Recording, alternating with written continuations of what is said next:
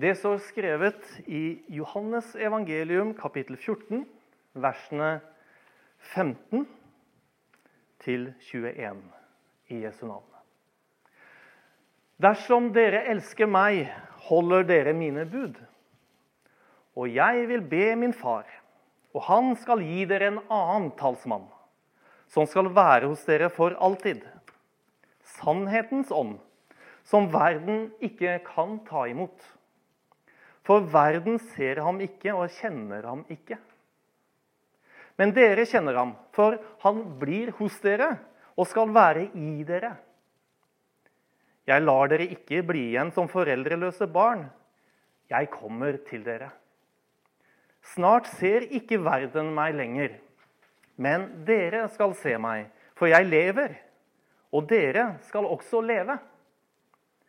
Den dagen skal dere skjønne at jeg er i min far, og at dere er i meg og jeg i dere.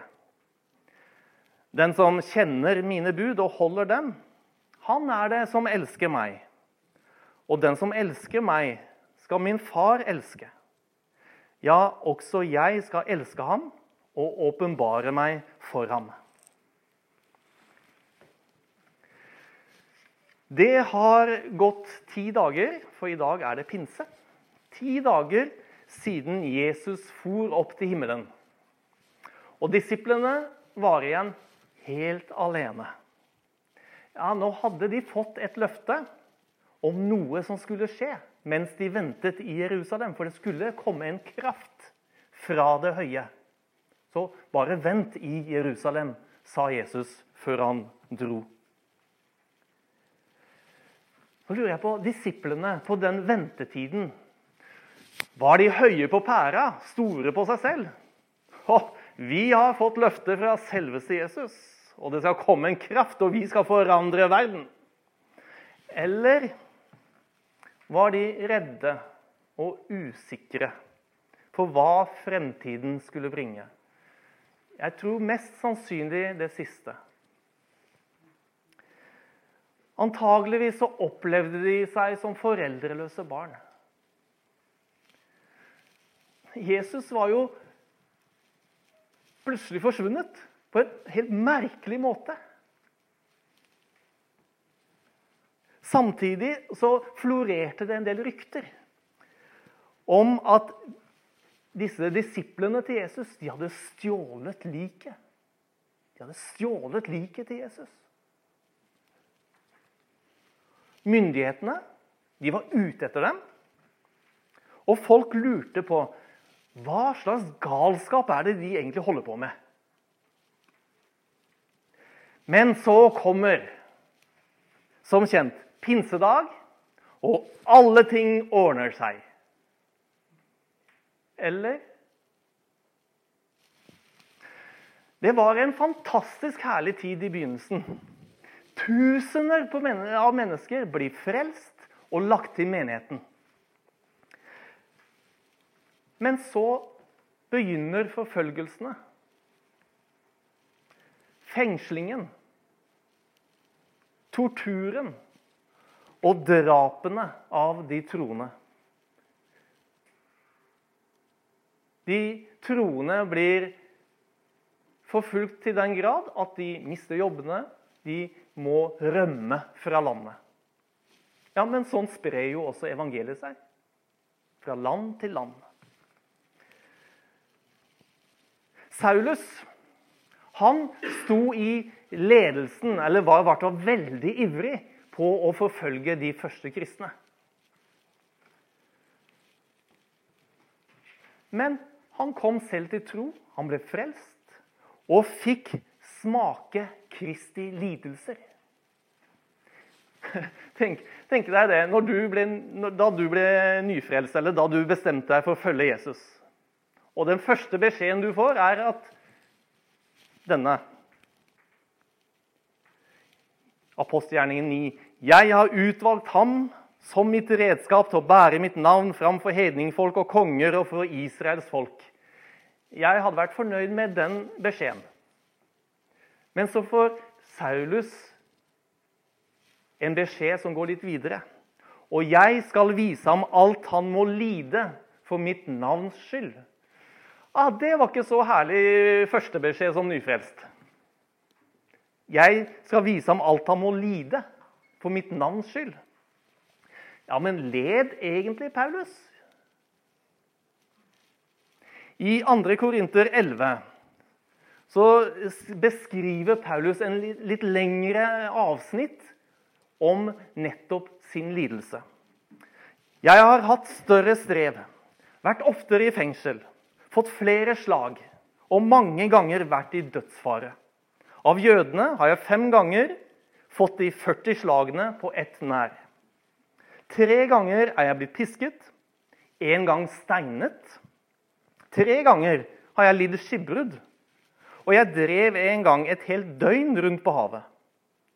Stadig har jeg måttet reise omkring. I fare på elver og i fare blant røvere. I fare blant landsmenn og i fare blant utlendinger. I fare i byer, i fare i ørkenen. I fare på havet og i fare blant falske søsken. I slit og strev, ofte i nattevåk. I sult og tørst, ofte fastende og uten klær i kulden. I tillegg til alt det andre har jeg det som daglig ligger på meg, omsorgen for alle menighetene. Hvem er svak uten at jeg blir svak? Hvem faller fra uten at det brenner i meg? Skal jeg være stolt, vil jeg være stolt av min svakhet. Ånd Ja, sånn slutter den. Skal jeg være stolt, vil jeg være stolt av min svakhet. Åndens tid, dere, det er ikke en tid for å unnslippe mørke og lidelse. Åndens tid er en tid hvor vi blir ført gjennom dypet. Når livet er vondt og mørkt, føler vi ofte at Gud er langt borte. Men er det slik?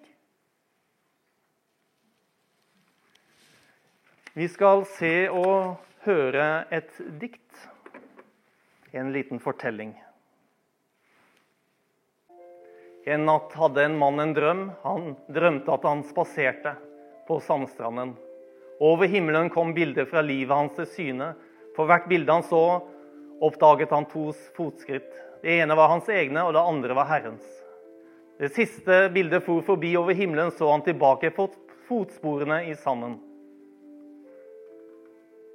Han la merke til at mange ganger i livets løp var det bare ett par fotspor.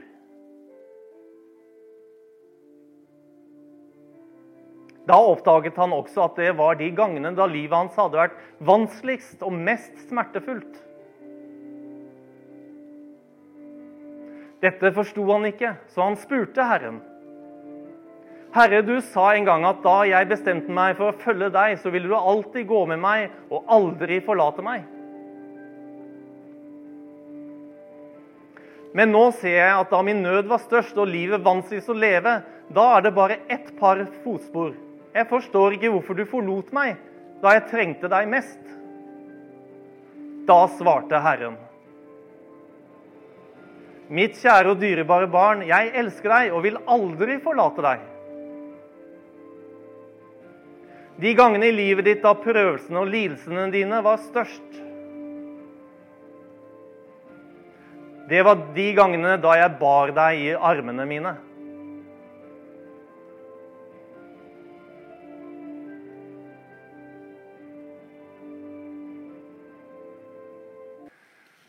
Salmisten David skrev ganske mye om ånden.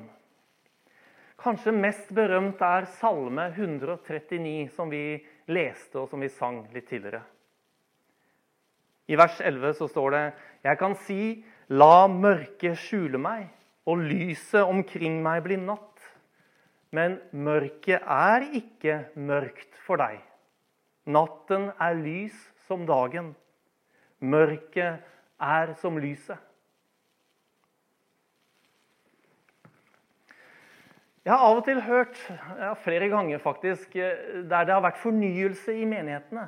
Den hellige ånd har kommet over menigheten, og det er eh, Ja, folk blir fylt av Den hellige ånd. Tegn og under skjer, folk taler i tunger osv. Så, så, så blir det en opplevelse i menigheten av A- og B-kristne. Hvor de vellykkede og ivrige kristne, de har ånden. Mens vi andre ikke har ånden. I hvert fall ikke i samme grad. Og det med ånden det handler da om ekstase og gode følelser. Om jeg ikke har gode følelser, så tror jeg at Gud er langt borte fra meg. Om jeg ikke klarer å be eller produsere fromme tanker, ja, da er også ånden langt borte fra meg. Er det slik? Nei, heller tvert om. Husker dere hva Jesus sa om de som er fattige i ånden? Eller kan, kan vi oversette det som 'fattige på ånden'? Jo, himmelriket er deres.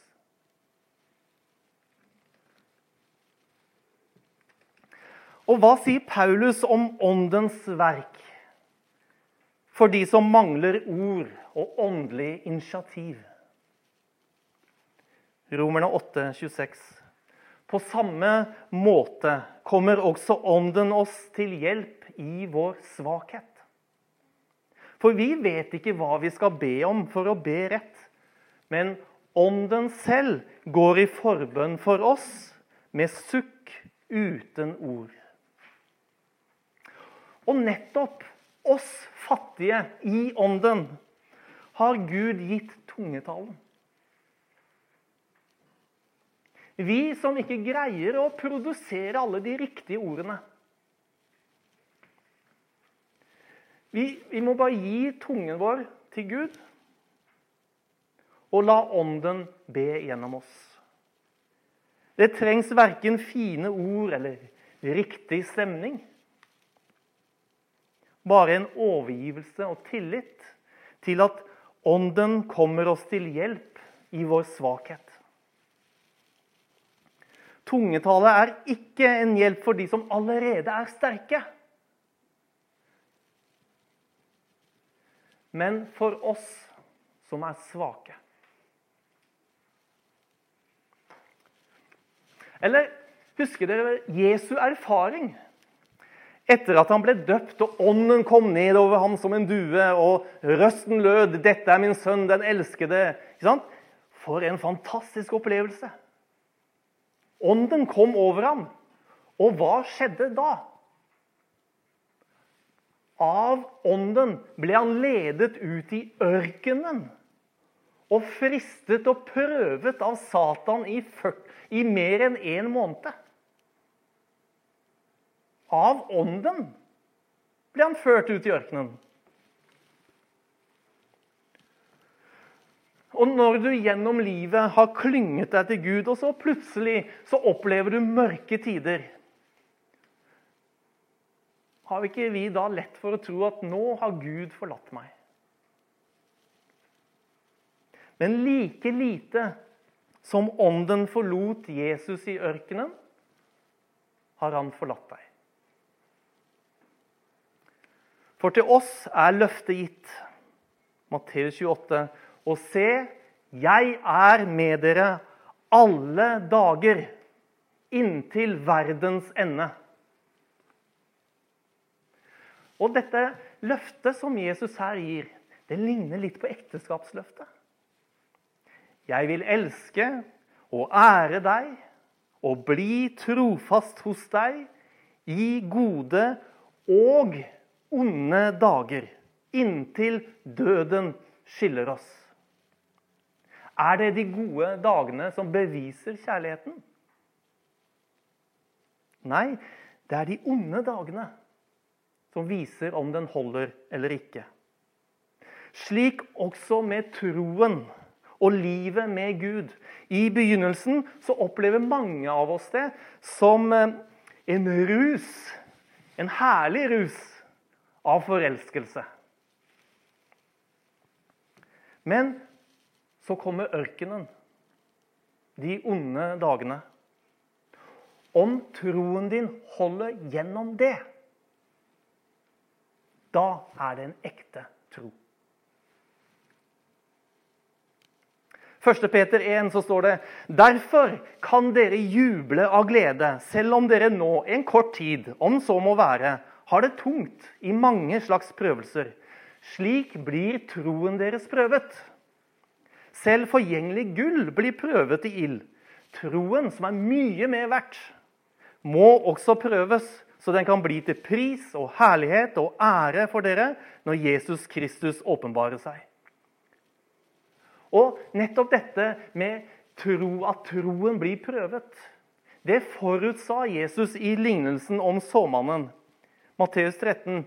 Det som ble sådd på steingrunn, det er den som straks tar imot ordet med glede når han hører det. Men han har ingen rot og holder ut bare en tid.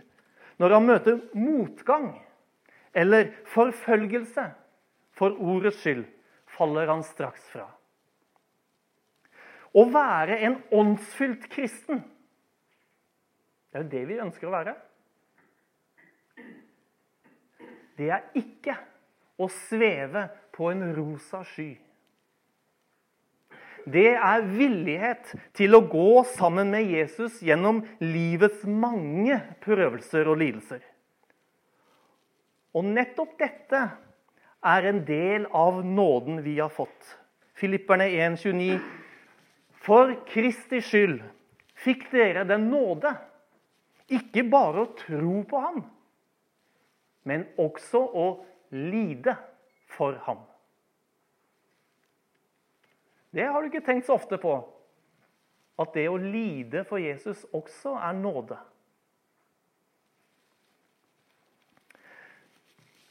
Og det å tro på Jesus, det å lide for Jesus, det er noe som er positivt. For hvem ønsker vel egentlig å møte en trailersjåfør som ikke har gått gjennom noen prøver, og stått på førerprøven? Jeg har ikke lyst til å møte en sånn person. Eller hvem tror vel på vitnesbyrdet til en kristen som bare har svevd på en rosa sky? Nei, en kristen med lidelser i bagasjen og sår på kroppen. En slik person er et troverdig vitnesbyrd for Jesus. Bare se for dere ansiktet til moder Teresa. Hun gikk gjennom lidelser personlig. Jeg tror faktisk hun har skrevet ganske mange flere bøker om opplevelsen av gudsforlatthet. Er ikke det litt rart å tenke på? Hun er et av de største vitnesbyrdet for verden. Og så gikk hun rundt i et troens mørke og opplevde at Gud ikke var nær henne. Og ikke nok med det, men hun oppsøkte mennesker med mest lidelser i samfunnet. For i disse menneskene så så hun Jesus. Jeg hørte en historie hvor en eh, søster i Calcutta skulle servere dessert til de døende. Og Så kommer moder Teresa til denne søsteren og så sier hun, ta på godt med saus nå. For husk, det er Jesus du serverer.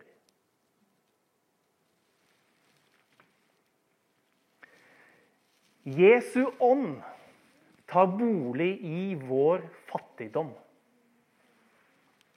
Jesaja 57.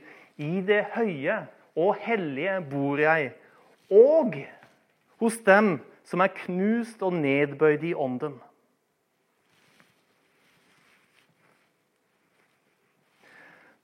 Den hellige ånd er sannhetens ånd, som aldri vil forlate oss. Men med sannhetens ånd blir også sannheten tydelig. Sannheten om urettferdigheten i verden. Noe som fører til at vi vil hungre og tørste etter rettferdigheten. Akkurat som moder Teresa. Og det er ikke en easy-peasy vei. Det er sannhetens vei. Det er lidelsens vei. Det er åndens vei. Jesus sier i dagens tekst den som kjenner mine bud og holder dem, han er det som elsker meg. Hvem er det som elsker Jesus ifølge han? Jo, den som kjenner mine bud og holder dem. Kan det være sant? Er det ikke troen alene?